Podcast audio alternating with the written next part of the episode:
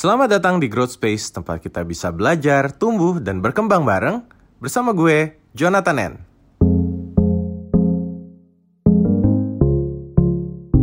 Oke, kalau gitu sekarang kita beralih ke Jill. Jill, lo kan sekarang udah jadi entrepreneur gitu deh. Dan dari sesi minggu kemarin juga kan karena entrepreneur lo berusaha menghemat gitu ya. Jadi lo juga nyari side hustle. Tapi sebelum lo jadi entrepreneur Jill, um, ceritain dong kayak kerjaan lo apa dan mungkin side hustle side hustle yang pernah lo kerjain? Uh, sebelum gue jadi entrepreneur, um, gue tuh banyak sih side hustle, cuman kebanyakan itu gue lebih fokus ke nulis karena memang pada dasarnya gue konten uh, content writer. Yang uh, udah pernah gue jalanin sebelumnya itu adalah jadi penulis untuk berbagai macam uh, klien nih Uh, yang menarik itu, yang pertama gue pernah jadi uh, ghostwriter untuk uh, venture capital. Jadi partner di venture capitalist, gue uh, jadi ghostwriter mereka. Uh, di situ belajar banyak sih, jadi uh, lebih belajar ke arah ris uh, kan yang tadi Gani udah sebut riset dan segala macam. Walaupun itu sebenarnya bukan area of expertise gue banget, tapi emang uh, belajar aja di sana. Lalu yang kedua, gue pernah jadi uh, klien-klien gue tuh lumayan korporat. Uh, uh-huh. Itu biasa aja sih nulis biasa. Yang ketiga itu adalah jadi uh, ghostwriter untuk uh, fashion blogger. Nah ini yang menarik banget sih karena akhirnya dari sana gue jadi belajar banyak banget mengenai fashion influencer atau influencer in general aja dan gimana uh, how they work, how they think, um, gimana bisnis dibalik influencer-influencer kayak gitu sehingga akhirnya gue tuh salut banget sama influencer-influencer uh, karena ternyata effort yang ditaruh itu nggak sedikit gitu. Hmm. Tapi uh, sebenarnya gue pengen nambahin sih kalau misalnya dari gue uh, apa alasan gue untuk cari side hustle juga ada banyak macam ya. Dari dulu tuh gue kayaknya nggak pernah tuh satu job doang. Uh, selalu anda, anda punya banyak waktu luang kayaknya. Uh, gue lebih ke, daripada waktu luang mungkin gue lebih ke arah uh, gue memang orangnya pinter manage waktu aja gitu dan kerjaan gue memang kerjanya cepet gitu. Jadi right. uh, dan kalau gue tuh cuman fokus ke satu doang itu rasanya bosen gitu. Jadi gue tuh jarang banget uh, di di fase dalam hidup gue cuma punya satu kerjaan pasti gue ada lagi ngerjain apa ngerjain apa ngerjain apa Uh, yang paling menarik adalah yang pertama, uh, gue jadi tahu nih uh, menemukan jati diri gitu. Karena sebenarnya waktu lulus kuliah itu kan sebenarnya dari kuliah sampai waktu lulus kuliah sebenarnya gue juga nggak tahu nih sebenarnya uh, gue tuh pengennya apa sih gitu loh. Maksudnya hmm. kurang lebihnya tahu gitu pengennya apa, tapi uh, gue nggak tahu pasti sebenarnya jalan gue mau ke mana. Jadi dengan side hustle seperti itu gue jadi tahu oh kerjaan kayak gini nih. Jadi pengalaman gue kalau denger kayak oke okay, eh gue tuh mau buat ini terus gue langsung kayak oh gue udah pernah tuh buat kayak gitu sebelumnya. Dan uh, halangannya di sini sini sini sini. Uh, gue udah pernah nih buat kayak gini. Ini tuh kayak gini gini gini. Cuannya di mana gitu. Nah itu kayak gitu-gitu jadi pengalamannya banyak dan akhirnya gue jadi tahu gue tuh sebenarnya pengennya apa.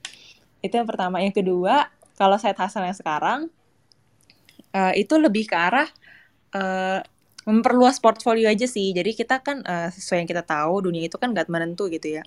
Kita nggak akan pernah tahu kapan uh, bisnis yang satu itu akan redup sinarnya. Jadi uh, gue selalu mindset gue adalah gue pengen uh, diversify portfolio gue dan investment juga gitu dan uh, kerjaan juga gitu. Jadi nggak cuma dalam satu bidang, tapi ada bidang-bidang yang lain. Jadi supaya lebih kokoh aja. Tapi itu kalau udah advance sih, kalau memang um, emang uh, udah apa ya, udah tau lah kurang lebih mau berkiprah di bidang apa, udah tahu kelebihan lo apa gitu-gitu.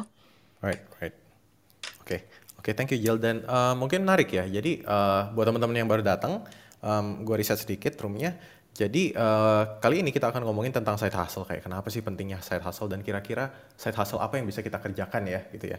Dan um, menarik juga tadi uh, dari Gani yang ngomong kalau ternyata side hustle itu nggak melulu soal uang gitu meskipun mungkin di kita uh, mencari apa ya lebih ke mencari sumber pemasukan tambahan gitu ya karena mungkin sekarang aduh gue masih fresh grad gaji gue kecil atau tiba-tiba ada kesempatan di luar uh, kantor yang oh gue bisa dapat uh, penghasilan tambahan nih makanya gue cari side hustle gitu ya um, tapi juga ternyata ada potensi untuk mengembangkan skill gitu ya dari tadi Jill juga ketika dia jadi ghostwriter uh, jadi uh, ceritanya jadi uh, si fashion blogger um, dia jadi belajar dunia baru. Oh ternyata di sini dunia influencer seperti ini dan um, bisa jadi itu menambah nilai jual dia antara satu dia mau jadi influencer atau dua dia mau berkutat di ranah uh, fashion juga boleh atau di ranah perinfluenceran.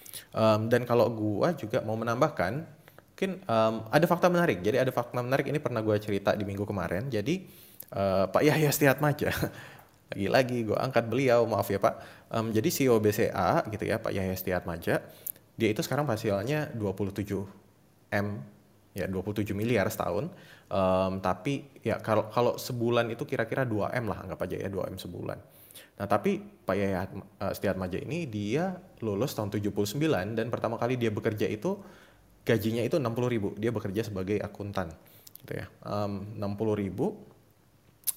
Kalau disetarakan dengan inflasi itu kira-kira sekarang jadi senilai 2 juta gitu ya. 2 juta 100 gitu. Um, anggapnya sama kayak Jakarta sekarang 4 juta gitu. Jadi uh, gaji CEO BCA itu tahun 79 juga kecil sampai dia merasa wah um, dia harus mencari sumber pendapatan lain ya dengan cari side job dia jualan uh, dia menyewakan kaset video gitu di masa itu jadi setelah bekerja malamnya dia menyewakan kaset video atau di weekendnya juga biar ada uh, potensi tambahan pemasukan gitu ini kan juga cukup menarik karena di satu sisi ya juga me membantu kita dalam uh, meningkatkan pemasukan ya. Kalau gue mungkin side hustle gue yang paling aneh oh mungkin gue cerita sedikit ya jadi gue dulu um, Gua sempat bekerja jadi arsitek. Jadi gue dulu jadi arsitek di Singapura. Tapi karena tahun 2008 ada Krismon gitu ya, Krismon kena laid off. Terus sebenarnya udah keterima di perusahaan lain di Singapura juga, cuma work permitnya nggak diterima karena mungkin waktu itu Kementerian Tenaga Kerja lebih uh, mengutamakan orang lokal dulu lah yang kena layoff gitu. Jadinya gue balik ke Indo dan balik ke Indo gue jadi uh, main sosmed dulu, main sosmed mulu gitu kan, main sosmed dan akhirnya um, ternyata dari sosmed gue bikin akun ada akun Twitter waktu itu anjing gombal dan jadi influencer lah masa itu di tahun 2010 gitu. Um, dan itu wah ternyata ini juga bisa jadi uh, sumber pemasukan nih side income yang ternyata mendatangkan gue ke uh, pekerjaan sebagai uh, social media eksekutif di uh, digital agency lah dan akhirnya sampai 10 tahun kemudian gue jadi social media uh, kerjanya jadi uh, social media practitioner gitu kan baik secara uh, sebagai content creator dan juga sebagai profesional. Nah ini juga buat teman-teman bisa jadi hasil yang kamu kerjain sekarang gitu, um, bisa jadi itu akan jadi karir kamu di masa depan, tergantung cara uh, kamu uh, menilainya gitu ya. Nah, um, gue mau uh, sambil menunggu teman-teman kalau ada yang mau sharing, gue mau ke Gani dulu deh. Gan, jadi kan lo ya. sempat kuliah di UK ya, Inggris ya? Ya. Uh, selama berapa lama? Setahun? setahun setengah lah totalnya. Nah, waktu itu kan oke okay lah lo ada beasiswa, tapi apakah beasiswa itu mengcover lo uh, apa? Mengcover semua biaya bulanan di sana atau lo harus cari uh, saya jawaban lagi? Sebenarnya kalau kalau konteksnya kuliah sambil kerja justru gue waktu S1 sih John. Uh, oke. Okay. Karena S2 gue lumayan tercover semua, jadi gue emang orangnya juga mau fokus belajar waktu itu, jadi nggak nggak terlalu banyak gue ngambil side hustle sih uh, itu bahkan gue kerjanya justru pas gue S1 gue kerja sambil apa namanya uh, kuliah gitu ya. Hmm. Kuliah uh, lo ceritain sedikit dong waktu itu lo ngambil kerjaan apa terus kapan terus nemunya di mana? Jadi dulu waktu gue S1 uh, kan gue ngambil gap year ya. Nah waktu yeah. gap year itu gue kerja di sebuah uh, agensi uh, kreatif. Okay. Nah, uh, jadi apa tuh? Kan Penulis. Jadi kreatif supporting lah. Uh, jadi kerjaan gue bantuin bikin kopi-kopi gitu loh, uh, copywriting ya, bukan kopi-kopi yang teh gitu ya, bukan kopi hitam ya. Gue bikin apa Gan kopi dong kan. Oke. Okay. Jadi misalkan ada ads ads gitulah zaman gitu zaman itu kan ya udah gue yang disuruh masukin masukin tulisan karena bos gue dulu tahu gue suka ngeblok. Nah, mulai dari situlah gue punya apa passion juga lah buat buat buat nulis gitu yang ngeblok dan sebagainya. Nah, hmm. waktu gue keterima S1 mulai kampus uh, eh, gue nggak ninggalin pekerjaan itu. Jadi teman-teman gue juga sebenarnya banyak yang nggak tahu bahwa pada saat itu gue menghabiskan waktu gue juga sambil kuliah, gue juga tetap lanjutin kerjaan gue itu gitu loh. Awal-awalnya, hmm. Tapi ini mungkin ada konteks ya. Waktu itu kan gue jadi masih muda banget tuh John. Uh, hmm. Dalam artian umur berapa tuh? 18 tahun lah ya, awal-awal atau 19 tahun. Nah jadi mungkin berbeda ketika gue udah udah lulus S1, udah udah di usia-usia sekarang ngambil side hustle ya. Tapi uh, waktu zaman itu lebih gak bukan berasa side sih justru justru kalau gua nggak ngambil kerjaan itu kan gua nggak punya uang jajan yang lebih segala macam gitu ya. ya. Nah itu itu satu hal sih. Uh, tapi mungkin tadi gue mau nambahin sedikit ya John. Apa uh, di awal tadi kan gue bilang uh, menulis salah satu contohnya bahwa uh, side hustle yang gue ambil itu bukan uh, mencari uang gitu ya. Tapi hmm. sebenarnya itu cuma salah satu contoh karena juga side hustle gue yang lain justru adalah lucunya itu adalah penghasilan yang jauh lebih besar dibanding pekerjaan utama gue gitu loh. Okay. Nah, tadi uh, kan gue bilang ya, uh, gue ini scholar, hmm. apa researcher gitu ya, dan ya gue nggak tahu mungkin teman-teman di bawah uh, ada juga yang profesinya di bidang akademik dan uh, ya sama-sama tahu lah dalam artian bidang akademik itu tidak terlalu banyak apa penghasilan yang bisa kita dapat. Nah uh, akhirnya uh, gue juga memberanikan diri ya uh, dengan skill yang gue punya ini kayaknya bisa nggak ya apa namanya uh, dalam artian mencari penghasilan lebih uh, dengan tapi dengan tetap dengan skill ataupun kegiatan yang mirip-mirip lah isunya dengan kebijakan publik dan sebagainya. Nah, uh, lucunya ternyata uh, ada skill tertentu dengan orang lihat-lihat tulisan gue di CV gue segala macam mereka suka dan akhirnya gue untuk beberapa perusahaan jadi uh, konsultan gitu untuk ngurusin public affairs mereka. Jadi uh, ini kayak dua sisi mata uang ya gue sebagai yang bidang akademik di non profit gitu ya uh, kantor gue di think tank tapi juga gue uh, di sisi yang lain akhirnya uh, di sela-sela kesibukan juga bisa ngebantu perusahaan-perusahaan gitu uh, apa namanya uh, membantu mereka untuk urusan-urusan uh, government affairs-nya. Which is kalau ditanya penghasilan lah itu gue ambil karena penghasilannya. Gitu loh itu gue ambil karena uh, nominal. Jadi maksud gue adalah tadi gue mau bilang tiga kategori itu sebenarnya ya uh, macam-macam alasan yang gue ambil untuk uh, apa namanya mengambil sajub-sajub itu. Tapi dengan gue selalu berkomitmen bahwa uh, profesi utama gue adalah peneliti. Jadi apa pun itu prioritasnya harus di bawah itu gitu loh. Nggak nggak nggak bisa uh, gue uh, melompat ke yang mana gitu. Tapi itu lagi-lagi pilihan-pilihan hidup uh, orang ya.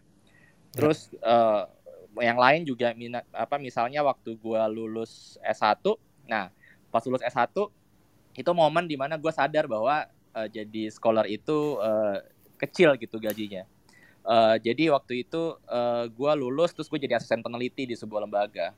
Hmm. Gaji itu kecil banget John, nggak nggak nyampe bahkan bukan gaji hitungannya itu kan karena proyekan gitu loh John kalau di non profit dan itu uh, apa namanya uh, dalam artian kurang lah uh, bahkan di bawah UMR waktu itu dan akhirnya apa yang gue lakukan yang gue lakukan adalah gue buka les gue hmm. buka les orang tahu gue jago nulis orang tahu gue apa uh, sangat apa akademik gitu. Orangnya akhirnya gue buka les untuk apa? Untuk membuat skripsi. Tapi gue bukan ghostwriter ya. Les jadi, buat bikin skripsi. Iya jadi gue okay. semacam dosen apa pembimbing bayangan paham nggak? Jadi okay. itu service yang gue kasih buat beberapa orang. Which is kayak lumayan waktu itu dapetnya.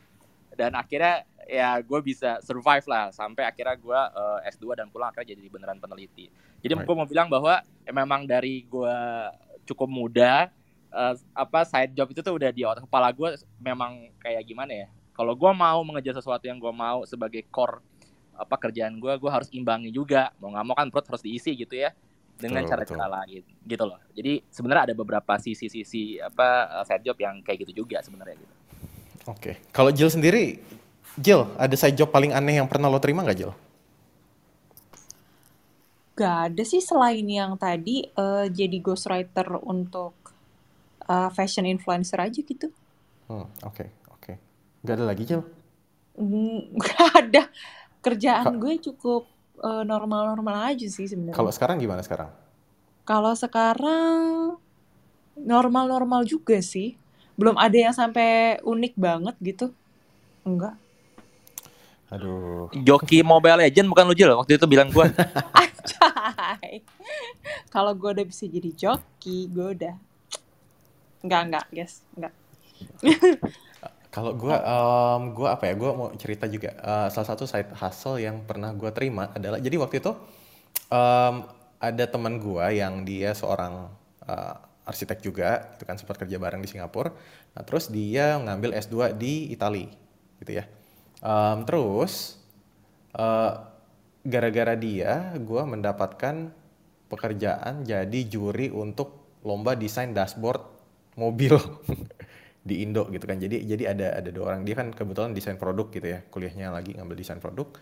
Terus um, nah dia mencari juri untuk salah satu brand mobil di sini mau bikin uh, keluar mau ngeluarin mobil baru. Terus desain dashboardnya gue adalah salah satu jurinya. Jadi ada satu seorang desainer, satu lagi apa. Terus gue katanya dianggap waktu itu mewakili uh, milenial apalah gitu yang yang berjiwa muda. Lu milenial gitu. lu baby boomers bukan John? Milenial gue waktu itu gue masih milenial. Mantap. Itu itu aneh tapi ya ya gitulah. Dan juga um, gue juga pernah jadi uh, surveyor. Jadi ada satu agensi di Jepang. Dan mereka butuh jualan buat ini kan buat uh, apa? Mereka butuh target audience di Indo ya jadi pengen tahu gitu kan. Jadi mau riset. Nah risetnya lewat gue jadi tiap bulan itu gue ngirimin satu satu interview in depth gitu ya Soalnya oke okay, gue mau interview working moms gitu. Um, mereka habitnya kayak gimana gitu kan. Uh, apa mikirinnya apa gitu. Problem di kehidupan sehari-harinya apa gitu. Atau misalnya um, ayah yang juga uh, seorang uh, apa uh, hobi modif mobil gitu gitu loh. Jadi um, sesuai dengan brief mereka itu tiap tiap bulan gue ini gue kirim ke sono. Jadi gue interview cuma ya tiga jam lah, dua jam, dua jam terus um, ngotak-atik datanya, gue kompal, analisis lagi, ya paling 5 jam. 5 jam itu gue dapet 5 juta, lumayan juga sih. Gitu. Eh, gue punya, aneh. punya ini loh cerita khusus juga tuh buat surveyor loh, John. Hmm. Jadi, uh, kan dunia gue juga dekat dengan survei-survei gitu ya, John. Ya. Jadi, gue, uh, apa namanya, waktu gue kuliah, itu salah satu duit utamanya tuh bantuin project itu survei, John. Jadi kayak di kampus gue gak tau di kampus loh tapi kalau di kampus gue tuh itu kayak apa sumber lumbung uang utama tuh. Jadi surveyor ke daerah-daerah kalau ada survei-survei sosial survei-survei politik gitu ya kayak elektabilitas segala macam gitu itu hmm. mahasiswa paling suka tuh. Dan lucunya sekarang kan gue di think tank ya yang salah satu kerjaannya juga sering kali kita bikin survei. Jadi kita setiap bikin survei tuh gue giliran gantian gitu nyariin apa uh, surveyor-surveyor di tiap daerah seluruh Indonesia gitu ya Terus juga ya. yang yang lucunya memang ternyata untuk surveyor seperti itu banyak sekali yang tertarik gitu. Hmm. Jadi biasanya gue kalau di daerah-daerah eh, di kantor gue tuh kita punya yang namanya korlap, ya. koordinator lapangan gitu. Jadi setiap ada survei pasti korlap-korlap itu yang dihubungin di setiap daerah di semua provinsi di Indonesia. Nah korlap-korlap itu mereka punya profesi masing-masing seperti misalnya dosen ya, terus juga orang kantoran, korporat dan sebagainya gitu dan mereka selalu mau dan pasti jalan gitu kalau kita apa nelpon gitu ya. Eh kita mau ada survei ini nih apa uh, kemarin gue ada studi soal grab misalnya ya uh, dampak ekonomi grab misalnya. Ya udah hmm. orang-orang itu yang bergerak di lapangan dan di bawahnya mereka tuh kayak mahasiswa-mahasiswa. Itu apa unik juga sih dalam artian orang orang-orang itu bahkan sudah seperti jejaring gitu. Jadi kayak memang mereka udah tahu pasti setahun ada beberapa kali survei pasti kan kayak lu kalau lihat berita gitu ya survei politik ya kan? Itu kan kayak ya. berapa bulan sekali ya kan? Itu bisa jadi orangnya sama loh John. Jadi ya di daerah misalkan di Bogor itu semua lembaga bisa jadi ya orangnya itu, itu doang ya survei gitu. Jadi apa fakta-fakta menarik uh, set hasil orang-orang di daerah tuh salah satu itu jadi survei politik John. Iya, yeah. um, dan ini juga sebenarnya teman-teman bisa cari peluang sih buat jadi apa responden ya, buat jadi responden survei jadi kayak acak. betul betul. Tapi tapi kan ini loh model yang kayak apa di Jakpat gitu ya jajak pendapat. Oh, Jadi iya, ada iya, satu website iya. jajak pendapat di mana kamu bisa mengisi um, survei dari mereka macam-macam mau dari brand ada dari apa ada gitu ya. Jadi setiap ngisi kayaknya dapat poin atau apa lupa gue udah lama enggak gitu. Nah nanti poinnya bisa kamu redeem jadi apa gitu loh. Dan ini juga um, ada teman gue yang kemarin sempat cerita, gue disuruh gabung dengan ada yang namanya GLG gitu ya Jadi uh, ini itu Apaan tuh? klien internasional. Jadi Gue, um, gue itu side job gue. oh sejak lo juga. Apaan sih tuh? Gue kagak tahu. Nah, jadi gini, jadi intinya kalian Wah kalian gila bisa itu cuan banget. Nggak bohong. betul, kalian bisa coba cek uh, GLG itu golf 5 golfinsights.com gitu ya. Um, jadi ini adalah intinya klien-klien internasional mereka akan lempar survei internasional di situ gitu ya. Nah, itu lo bisa dibayar per jam itu minimal kayak 100 dolar gitu. Dan juga misalnya teman gue ini dia dapat klien yang konsul 15 menit dia dibayar 70 dolar. Lumayan 70 dolar 15 menit. Lu jadi narasumber gitu? Apa gimana sih? Jadi Ya. tuh gini, Silakan Jel. lo lo lo daftar gak sih John? Nggak. Belum belum, gue baru diceritain gitu.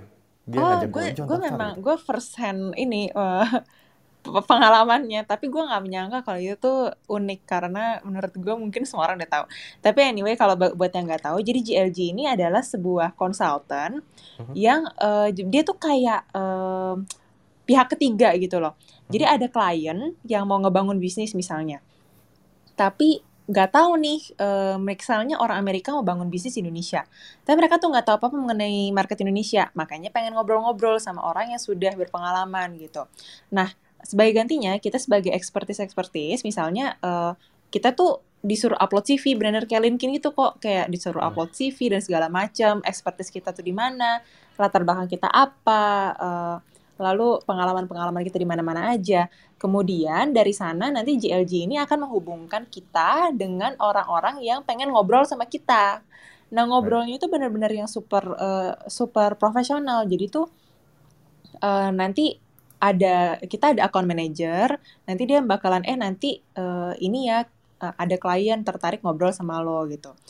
Eh, menarik sih. Jadi eh, waktu itu gue pernah eh, dapet klien mau buka dia sih biasanya typically mereka nggak akan kasih tahu mereka tuh mau buka apa karena biasanya masih confidential tapi, tapi eh, kita akan disuruh jawab beberapa pertanyaan dulu sebelum mereka mau interview kita Eh, jadi kita lumayan banyak deh step-stepnya pertama eh, moral karena em, pertama mereka harus eh, GLG ini nggak pengen mereka tuh di, di dituntut gitu ya jadi mereka tuh pengen memastikan kalau kita itu nggak membocorkan rahasia perusahaan kita yang sebelumnya. Ya. Jadi jadi ada tes-tes kayak gitu. Kemudian nanti pas hari H eh, kita bakal dihubungkan sama kliennya.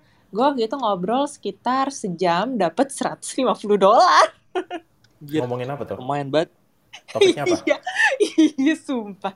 Eh, ngob- eh, jadi mereka itu gue nggak tahu mereka tuh mau buka apa. Cuman gue jadi latar belakang gue ini, gue dulu pernah eh, kerja di salah satu travel travel eh, perusahaan travel teknologi Mhm. da- eh, semacam Traveloka, tapi Traveloka Experience. Jadi mereka tuh cuman jualan kayak Disneyland tiket dan lain-lain doang.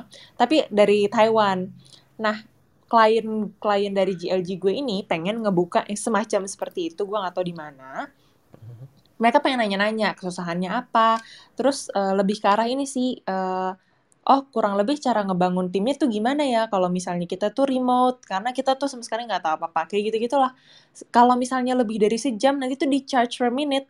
Sumpah.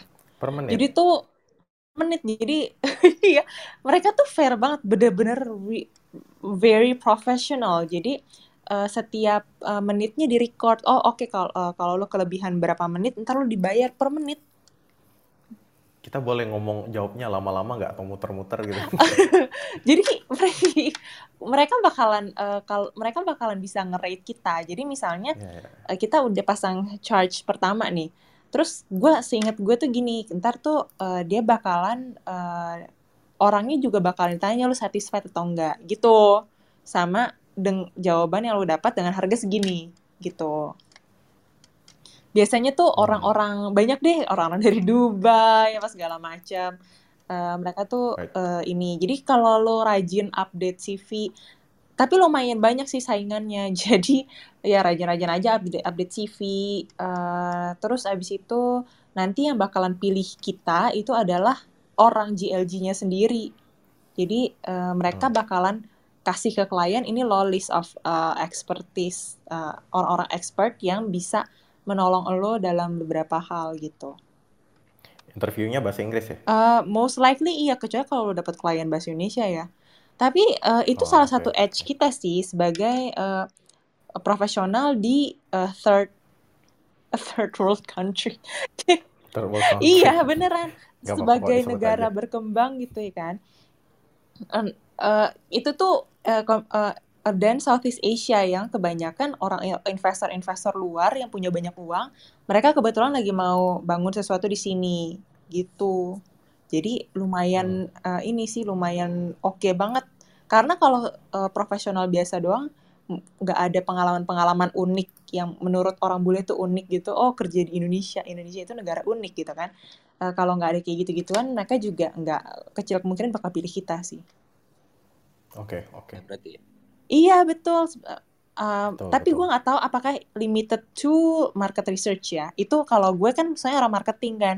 Jadi gue lebih ke arah kayak gitu. Kalau misalnya uh, ranah lo pasti banyak juga sih kan. kalau lo mau mendaftarkan diri. Justru gue bikin aja buat gue sendiri. Oh buat lo sendiri Mantap. bisa bisa bisa. Lo bisa lo bisa daftar jadi klien. Bisa daftar jadi Betul. uh, yang narasumber gitu. ya gitu. Kan? Ya cuman anyway uh, GLG itu lumayan menarik sih dan mereka super profesional kok. Hmm, oke oke.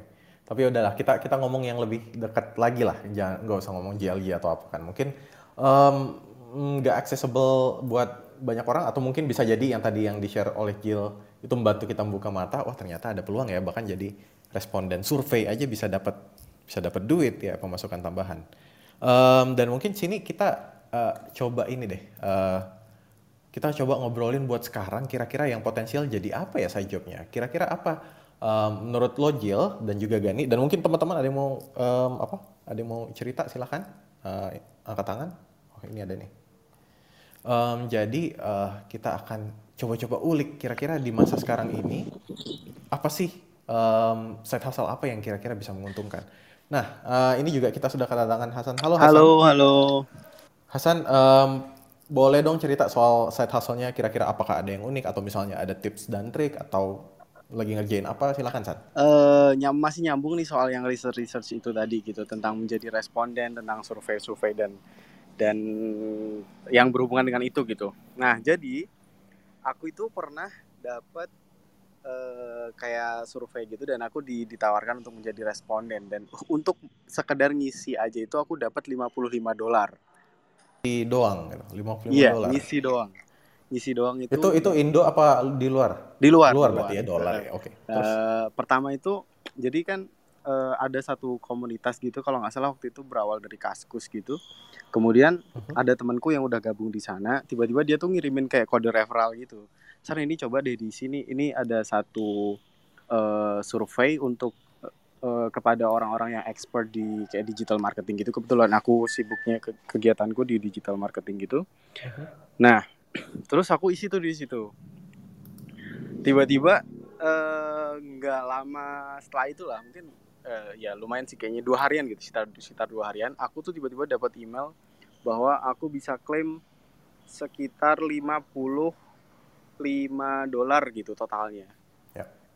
Nah, iya itu hanya hanya hanya sekedar ngisi itu dan lebih serunya lagi adalah kalau kita kemudian bisa ngasih referral siapa aja expert yang mungkin aja bisa ngisi si sur- eh, survei itu, kita bisa dapat 25 dolar lagi dari situ.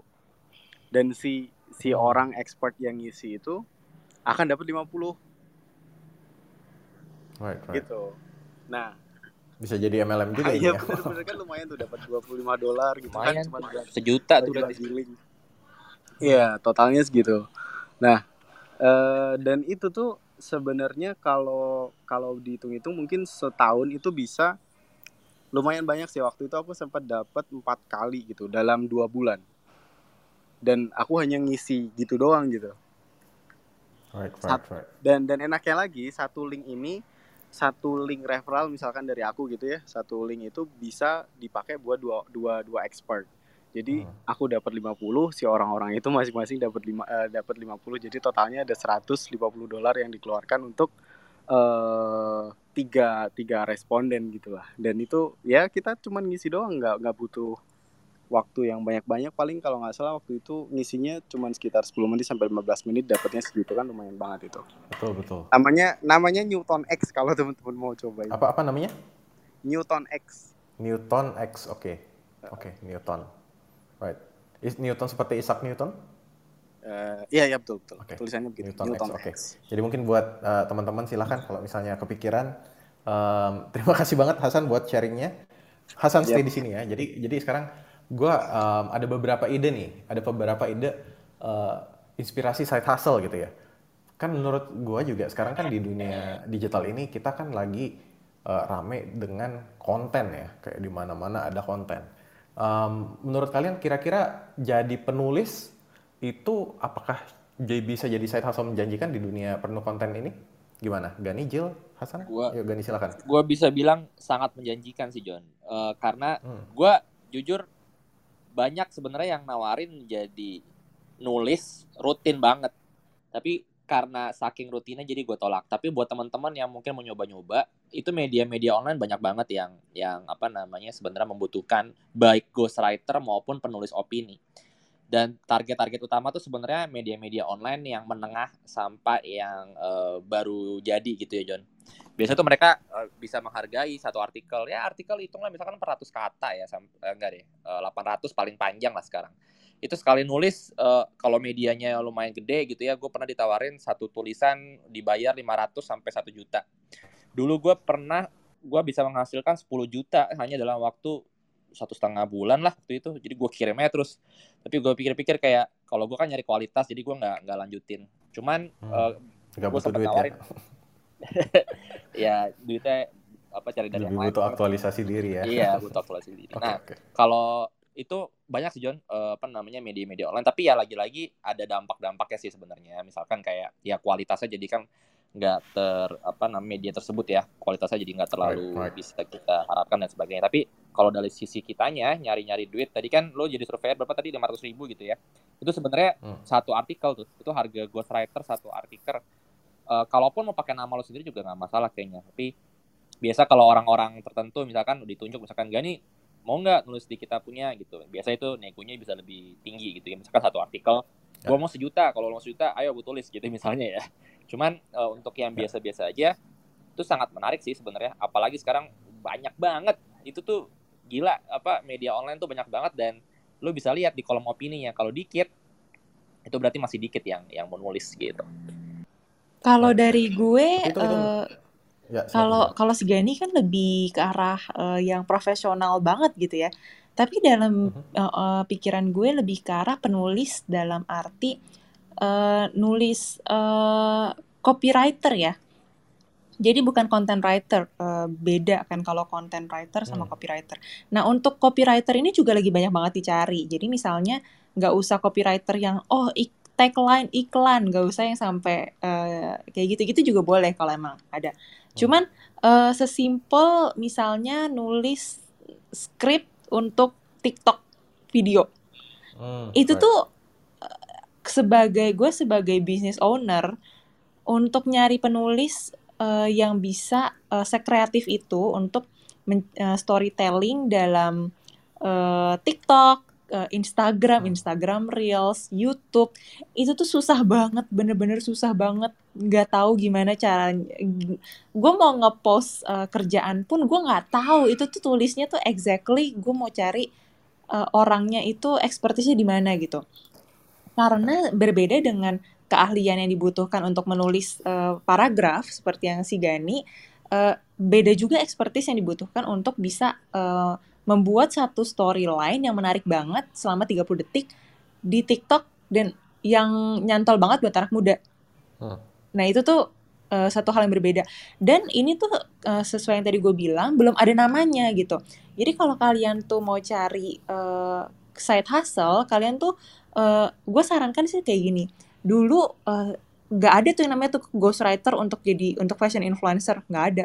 Cuman eh, gue waktu waktu dulu lumayan mikir gitu ya. Eh, gue punya keahlian menulis. Gue suka dengan fashion gitu. Dan Mhm. gue tertarik untuk belajar lebih indah mengenai dunia fashion. Dan gue gue eh, gue waktu itu nyari fashion influencer mana-mana aja yang top itu pertama yang kedua yang kurang lebih uh, personalitinya gue suka dan gue bisa get along dan dan gue email mereka tuh masing-masing tuh eh mhm. gue ini ada kalian ini dan uh, gue tahu kayak kerjaan lu tuh sibuk gitu gimana kalau tulisan-tulisan caption uh, blog YouTube YouTube script kayak gitu-gitu lo kasih ke gue nah itu tuh Eh, nggak uh, ada satu kerjaan nama kerjaan khusus sih maksudnya mungkin simplify-nya ghostwriter gitu ya. ya Cuman nggak ada tuh yang kayak formalnya namanya apa. Nah banyak banget kerjaan-kerjaan kayak gitu yang sebenarnya lu bisa nawarin ke orang. Eh gue tahu nih lu uh, gue ada kalian ini dan lu kayaknya kesulitan di bagian ini gue bisa bantuin gitu. Dan itu tuh uh, jarang waktu itu dia nggak ngepost apa apa dia nggak nyari dia lagi nggak bener-bener gak ada apa-apa. Cuman pas dia baca email gue dia mulai mikir oh iya juga sih tulisan gue lumayan amburadul nih ya. E, gimana kalau gue buatnya jadi e, lebih teratur supaya gue bisa go international? Yeah. dan dan itu yang gue lakukan gue bantu dia sampai akhirnya dia bisa ke fashion week dan hmm. dan interview interview dia gue uh, gue tulis dulu dia hafalin habis itu dia dia yang itu dia yang ngomong gitu Alright. Nah, itu tuh uh, kerjaan yang sebenarnya uh, bener-bener lo bisa cari sendiri celahnya. Uh, eh, ini nih TikTok yang ini kayaknya agak-agak ma mandek. Gue kan suka buat TikTok ya, kenapa gue nggak kerja buat dia aja gitu. Nah, itu tuh uh, banyak banget kayak gitu. Jadi dicari aja gitu sela-selanya. Right, right. Betul, betul. Dan ini juga gue um, sering terbantukan sih. Jadi pernah satu ketika gue interview sama seorang uh, buat ya media Indo lah gitu kan. Gue di interview uh, jurnalis gitu ya. Jadi kenalan jadi berteman gitu jadi ngobrol. Dan pada suatu ketika gue mendapat tawaran uh, content creator gitu kan. Um, tapi gue disuruh nulis artikel buat di website gitu ya. Dan artikelnya cukup panjang buat gue waktu itu. Dan gue nggak ada waktu. Jadinya gue oper aja. Gue tanya ke si jurnalis yang pernah wawancara gue eh lo uh, terima nggak jadi ghostwriter? Gitu. Dan ternyata dia oke okay, um, dan karena dia sudah terbiasa nulis nulisnya juga bagus gitu ya um, dan itu jadi uh, apa langsung di approve sama kliennya juga gitu. Dan semenjak saat itu gue jadi berpikir wah ternyata ada ghostwriter itu sangat memudahkan hidup juga ya. Ini dari sisi gue sebagai mungkin pemberi kerjaan gitu ya. Um, ya tapi itu satu insight menarik ya penulis. Uh, bentar. Kita ke side hustle berikutnya kalau menurut kalian dengan penerjemah bahasa asing gimana San gimana menurut San translator gitu oke okay. apakah uh, translator sekarang ini kayaknya emang lagi banyak dibutuhin gitu. Nah, hmm. uh, gini, aku diem-diem itu kan ya bukan diem-diem ya. Uh, aku cukup banyak explore di beberapa platform uh, freelance gitu di Indonesia. Hmm. Salah satunya yang paling uh, banyak digunakan oleh para apa ya freelancer awal-awal adalah Seribu Lancer. Ya, Seribu Lancer. Ya, Seribu Lancer.com itu paling umum ya kan. Nah di sana itu kayak hampir setiap hari itu selalu ada job untuk translating gitu. Hmm gitu kayak hampir setiap hari itu selalu ada entah mau dari ada yang bahasa Arab Inggris atau yang Arab ke Indonesia atau yang Indonesia Inggris go, uh, Inggris doang kayak gitu itu selalu ada jadi terus juga uh, di sisi lain aku pernah menemui bahwa uh, gini ada ada startup di di Jogja itu yang uh, dia itu jalan sebagai translator namanya translating. Hmm. namanya translating. Itu juga dulunya dia sempat bermula dari seribu lancer dan menemukan job seperti itu gitu. Sehingga akhirnya dia berkembang berkembang kembang sampai sekarang bahkan bisa jadi sebuah startup yang yang angkanya juga cukup gede gitu. Dia bisa ya. terakhir itu kalau nggak salah dia dapat project dari Indosat dan juga dari Tri Huchisong itu. Uh-huh. dia dapat dari situ yo kayaknya kalau kalau dilihat marketnya itu masih sangat potensial sih sebagai translator. Okay. Oke, um, ini menarik sih ke, karena Hasan juga ngomong seribu lancer. Oh, um, ini bukan bukan berbayar ya. Kalian silahkan googling mau nyari freelance di mana. Tapi gue jadi buka websitenya seribu lancer dan gue melihat um, jadi dia kategorinya itu um, ada enam kategori yang dia highlight. Yang pertama di website dan pengembangan gitu ya. Mungkin ini ya dalam artian bikin website gitu ya, bikin aplikasi. Oh ada juga ding. Pengembangan aplikasi mobile. Itu ada satu kategori sendiri. Terus ada penjualan dan pemasaran online, um, penulisan, terus ada desain dan multimedia, dan juga administrasi dan support. Nah kalau gue bisa lihat di sini dari uh, tiga kategori ini ada di ranah digital. Dari website dan pengembangan satu. Kedua penjualan dan pemasaran online. Ketiga pengembangan aplikasi mobile. Nah jadi mungkin buat teman-teman juga ketika um, apa mikir kayak memikirkan tentang side hustle oke okay, mungkin sekarang ada keahlian yang bisa langsung dimonetize ya misalnya oke okay, translator karena orang Indonesia rata-rata bisa uh, bisa dua bahasa bahkan tiga bahasa kan bahasa daerah bahasa Indonesia dan bahasa Inggris gitu bayangin orang Amerika bisanya cuma bahasa Inggris doang gitu.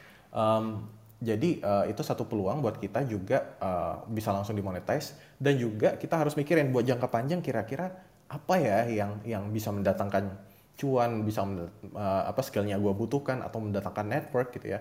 Mungkin bisa coba pertimbangkan ke ranah digital dan digital marketing gitu. Mau itu um, ya digital marketing, mau itu kamu jadi developer, kamu bikin website, kamu atau bikin desain dan konten gitu ya dan juga kalau gue lihat di bagian uh, administrasi dan support gitu ya jadi ada satu uh, kategori administrasi dan support itu dia itu sebentar oke. Okay.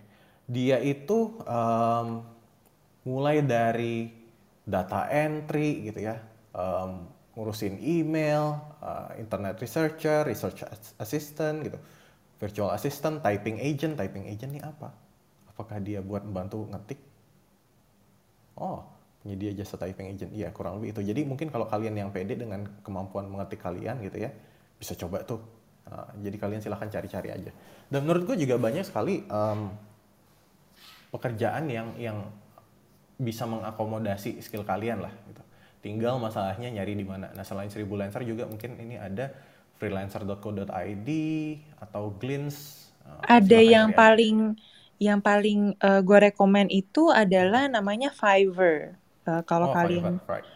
Ya, nah di situ bahkan sampai kalau kalian ada suaranya yang bagus, kalian bisa jadi voice over di sana. Uh, dan uh, kliennya itu international dan sangat right. profesional sih Fiverr ini. Oke oke banget uh, pilihannya projectnya itu dari seluruh dunia dan right. dibayarnya lumayan. Betul betul. Dan gue sebagai pemilik saham Fiverr, gue juga punya saham Fiverr. Iya mantap. Uh, iya, jadi alasan gue kan, jadi Fiverr ini adalah platform di mana uh, lo bisa menemukan kerjaan-kerjaan freelance lah. Jadi menghubungkan antara yang tadi klien sama pencari kerjaan. Dan menurut gue di masa depan ini peluangnya akan gede banget ya mengingat sekarang kan orang udah mulai side hustling atau mungkin juga mulai self employed dalam artian ya udah gue kerja sendiri aja gitu kan biar biar profitnya bisa lebih maksimal gitu. Dan jadinya platform-platform seperti Fiverr atau Seribu Lancer tadi akan lebih besar lagi gitu. Jadi ya udahlah gue beli aja sekalian sahamnya gitu. Um, tapi um, oke okay, kita berlanjut ke topik berikutnya sebentar. Oh ada Aksat nih. Sebentar gue mau ngundang Aksat. Oke, okay. halo Aksat. Ya, halo halo. Uh, apa kabar? C apa kabar basa-basi padahal udah kenal. Lagi. Nah, jadi Aksat ini um, Aksat Aksat ini desainer yang yang sebenarnya ya kerja bareng gue juga, tapi menurut gue side hustle-nya itu cukup unik yaitu dia mendesain cover podcast eh cover sorry cover Spotify ya. Ya. Cover album buat Spotify uh, artis-artis luar gitu ya. Yes. Bisa coba diceritain bisa, dikit, Sat? Iya, ya, boleh, boleh tadi udah diperkenalin ya aku siapa sama uh, Bang John. Jadi uh, untuk side hustleku itu nggak uh, beda jauh juga dari full timeku.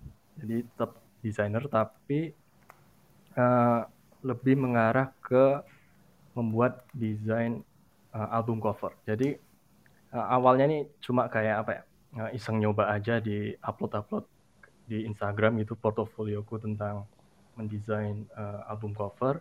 Kemudian mulai dari situ mulai dikenal nih. Jadi kayak di apa ya komunitas desainer album cover itu ada kayak komunitinya tersendiri gitu di Instagram. Hmm.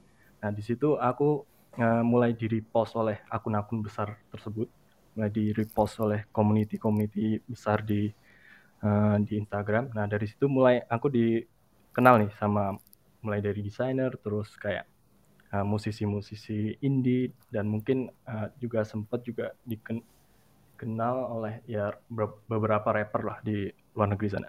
Nah di situ masuklah di uh, di uh, Instagramku beberapa musisi gitu minta request gitu.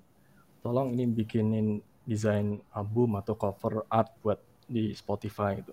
Nah itu Hmm. awalnya ya masih kayak apa ya eh, musisi-musisi kecil gitu loh.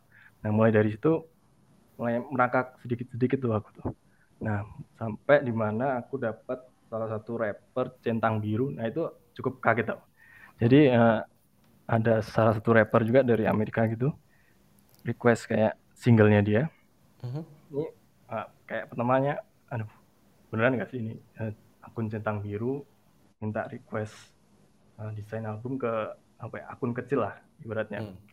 Nah di situ oke jadi kayak hmm, apa ya jelasin briefnya terus gimana kerjanya aku terus oke dan sam- sampai akhirnya juga deal juga di akhirnya. Hmm. Nah mulai dari situ ya apa ya mulai ketagihan lah mulai mendesain desain album cover gitu. Ya untuk eh, semacam side hustle gitu lumayan lah ibaratnya cuma kadang ya kalau misalnya rame banget gitu ya sebulan bisa ngerjain sampai dua artis gitu. Kadang ya kalau sepi ya dua bulan sekali kurang lebih Hmm. kayak gitu. Oke, tapi berarti pertama kali kamu dapat job itu dari si komunitas ya sebenarnya yang memberikan network eh, ke artis-artis ini. Yes benar. Jadi eh, aku mulai upload ya iseng aja di profil Instagramku. Terus Hmm. kemudian nanti ada community yang nge-reach aku di DM. Ini boleh aku repost nggak? Oh ya silahkan. Nanti akun-akun besar tuh yang kayak apa ya? Reshare kembali lah. eh, Right, right, right. aku. Wah ini jadi insight yang menarik sih. Mungkin juga buat teman-teman eh, bisa coba menghubungkan diri dengan komunitas ya, di mana kalian punya minat yang sama dan juga mungkin nanti bisa selain ngasih masukan dan juga bisa ngenalin ke eh, ngasih network ke calon-calon potensial klien. Nah kalau boleh tahu nih Sat, eh, pertama kali desain itu em, fee-nya berapa Sat? Sekitar 120 dolar. 120 dolar. Berarti itu langsung klien luar ya langsung ya dapat ya? I- Rata-rata overseas semua. Eh, Oke. Jarang banget dapat eh, artis lokal. Oke. Em, terus 120 sekarang berapa? Sekarang terakhir itu berapa ya? Eh, sekitar 180. Mungkin Oh, apa ya? 180, eh, per- perkembangannya tuh nggak terlalu jauh lah. Hmm, Ibaratnya Oke oke oke. nanti kalau misalnya udah levelnya lebih tinggi lagi mungkin berani ngecharge lebih lagi. Oke, berarti itu udah udah bisa 3 juta ya, kurang lebih ya. Ya kurang lebih kayak gitu. Oke, nice nice. Dan em, berarti si artis-artis ini mereka yang langsung datang ngubungin kamu gitu ya, nge-DM gitu di Iya. Instagram. Hmm. Eh, terkadang ada kayak apa ya? Kayak asistennya juga ada pernah, Mhm. tapi lebih banyak karena musisi indie langsung si artisnya. Hmm. Oh oke, nice. Keren banget. Kalau terus kira-kira dari sini kalau kamu mau kan kamu desainer nih, gitu ya. Dan sekarang kan lagi booming lagi booming NFT gitu ya. Di mana NFT bisa laku berapa 50 ribu dolar gitu satu karya gitu. Yang entahlah apakah ini money laundering atau apa. Tapi menurutmu sendiri gimana soal NFT dari kamu sebagai desainer? Eh, aslinya ini ya eh, dari perspektif aku ya untuk NFT ya eh, aslinya menarik ya jadi kayak kita eh, reshare apa sih kayak upload artwork kita entah itu 3D work atau cuma bahkan ada cuma sekedar meme aja ada yang bisa dijadiin NFT nah itu kalau dari sisi desainer ya eh, itu tadi katanya bisa untuk jadi kayak money laundry atau segala macam. Jadi apa ya? Eh, sedikit fishy kalau menurutku ya NFT gitu ya. Jadi kayak ada yang bilang jalur instan juga, tapi kalau dalam komunitas album designer banyak yang menolak juga. Jadi kayak Hmm. artis itu cuma pengen apa ya, instannya aja gitu nyari uang. Jadi kayak tujuannya ya udah kita naruh artwork kita ke NFT gitu kan. Ya dan nanti ada yang ngebit dan segala macamnya. Ya, ya. Mungkin ya ada pro kontra tetap. Tapi Right. belum ngulik-ngulik jauh juga sih. Eh, ya tertarik juga. Betul betul. Ya mungkin bisa dilihat ya jangka panjang. Tapi em, oke, thank you Aksat buat sharingnya. Iya, Dan mungkin juga em, menambahkan Aksat ya. Jadi sekarang di dunia digital kayaknya desain grafis itu terutama jadi salah satu pekerjaan yang paling menjanjikan. Ada teman gue juga tuh namanya eh, Dita, Dita Amelia ini dia bukan bukan desainer sih, tapi dia lebih ke ilustrator gitu. Jadi dia seorang penulis, tapi dia juga eh, sering bikin ilustrasi gitu, sering bikin ilustrasi dan malah beberapa karyanya itu em, malah dia bikin jadi apa ya? Dia dia buka commission, commission dalam artian oke fotonya nanti dibikin jadi ilustrasi, um, satu foto bisa dihargain 100 ribu, 150 ribu dan lumayan banget sebulan bisa dapat 20 foto udah tambahan 3 juta sendiri gitu. Dan itu bisa dikerjakan kapan saja, di mana saja, di luar jam kerja, mau sambil tiduran, rebahan, bisa juga gitu ya. Itu kayak lagi banyak di Twitter juga deh, John. Ya betul, betul. Nah ini kan jadi ketika uh, apa? Uh, ya ada peluang lah dan bagi desainer-desainer atau ilustrator gitu ya mungkin ya kalau bisa nambah-nambah pemasukan kenapa enggak? Jadinya di Twitter juga banyak yang jualan tuh gitu. Apalagi di masa pandemi gini kayaknya susah gitu ya nyari uh, apa nyari job tapi ya lumayan lah bisa. Dan nambahin lagi tadi yang penulis um, ada teman gue juga uh, Zari Hendrik. Jadi dia itu memang seorang penulis yang suka bikin puisi lah. Jadi berpuisi dari dulu kan di Twitter sampai bikin beberapa buku. Nah pernah dia juga bikin um, side hustle bukan side hustle ya. Jadi dia cukup gila dengan bilang kalau um, apa? Waktu itu dia nawarin bikin caption, bikin caption harganya 50 ribu. Gitu. Kesannya menggelikan, tapi ternyata rame banget yang order. Jadi mau bisa dipakai buat caption mau Instagram boleh, atau ada yang mau bikin surat pidato boleh, ada yang mau bikin uh, apa surat permintaan maaf atau surat buat rasa kangen untuk pasangan nun jauh di sana juga boleh gitu dan uh, itu bisa dihargain 100 ribu sampai 300 ribu tergantung seberapa panjang. Dan gara-gara ordernya banyak banget ya itu jadi side hustle dan akhirnya jadi bisnis sendiri. Dia akhirnya buka kantor yang tadinya dia kerjain sendiri dia mengundang beberapa penulis gitu jadi ada belasan penulis gitu dan omsetnya bisa puluhan juta sampai ratusan juta gitu per bulan. Itu karena orderan ini. Nah oke okay, uh, eh, terakhir sebelum kita tutup ada Novita. Halo Novita. Halo, gue temennya Kamu... Gani BTW. Halo. Halo temennya Gani. Um, bisa diceritain nggak kamu lagi ada pengalaman apa saya hustle atau ada yang mau ditanyain atau apa? Silakan. Tadi kayaknya kepencet ya, tapi so far sebenarnya uh, gue kalau saya hustle nggak lebih ke ini sih, lebih nggak nggak ke kayak eh, nggak uh, kayak ke semacam profesi ya, tapi kayak hmm. lebih ke bisnis sih. Jadi kayak gue kerja juga, gue punya bisnis juga, dan gue ibu rumah tangga juga karena gue punya okay. anak yang harus diurus kayak gitu sih.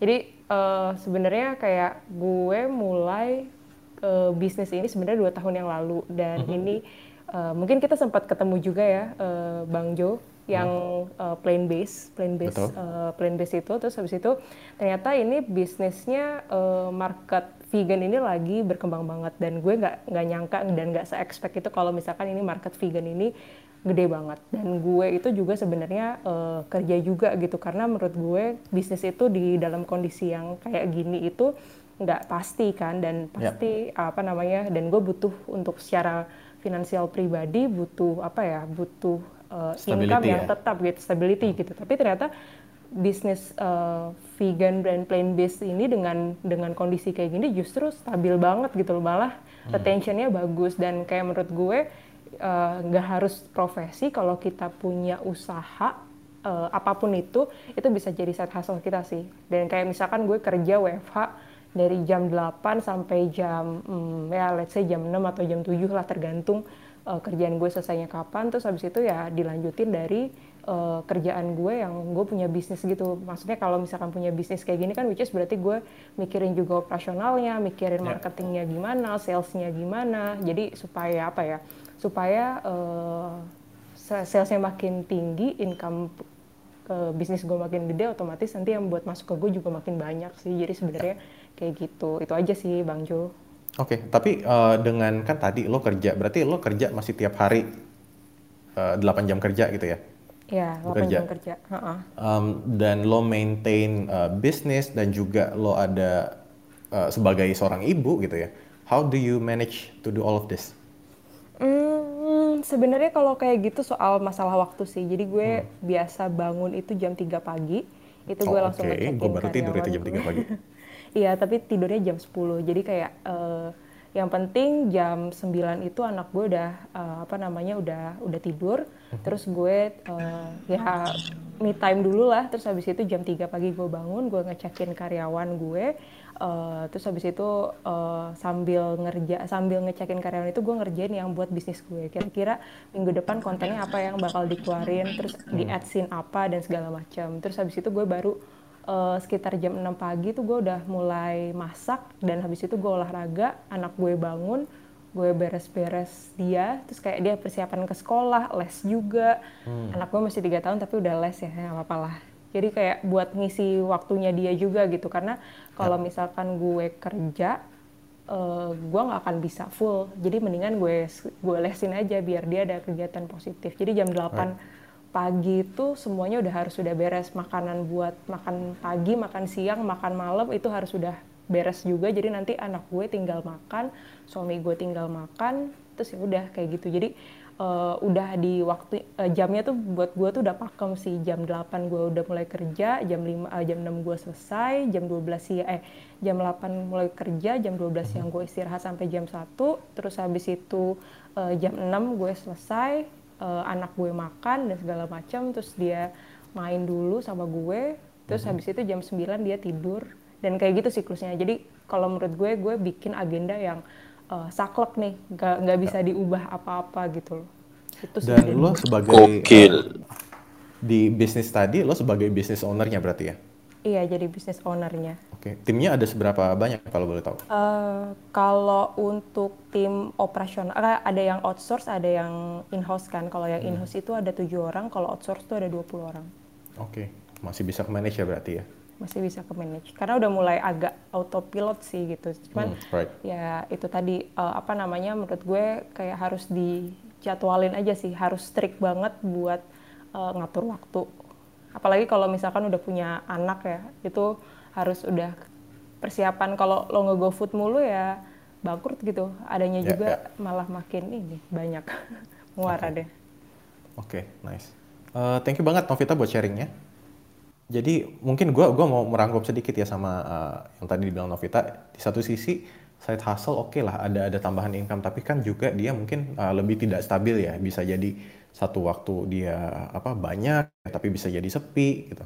Em, dan di satu sisi juga Novita menggabungkan ini dengan oh ya udah gua ada main job, main hustle gua di mana gua bisa mendapatkan income yang lebih stabil. Tapi menurut gue juga di situ um, yang harus dikorbankan mungkin waktu jadinya waktunya ya udah saklek gitu tidak banyak waktu untuk bermain untuk nongkrong atau apa Um, tapi semakin established bisnisnya udah bisa rekrut apa uh, lebih banyak orang untuk running bisnis jadi tinggal dipantau sesekali juga bisa gitu. That's actually a very good point. Thank you Novita. Um, dan terima kasih buat teman-teman yang sudah hadir. Uh, sampai jumpa di sesi growth space berikutnya. Terima kasih selamat malam selamat istirahat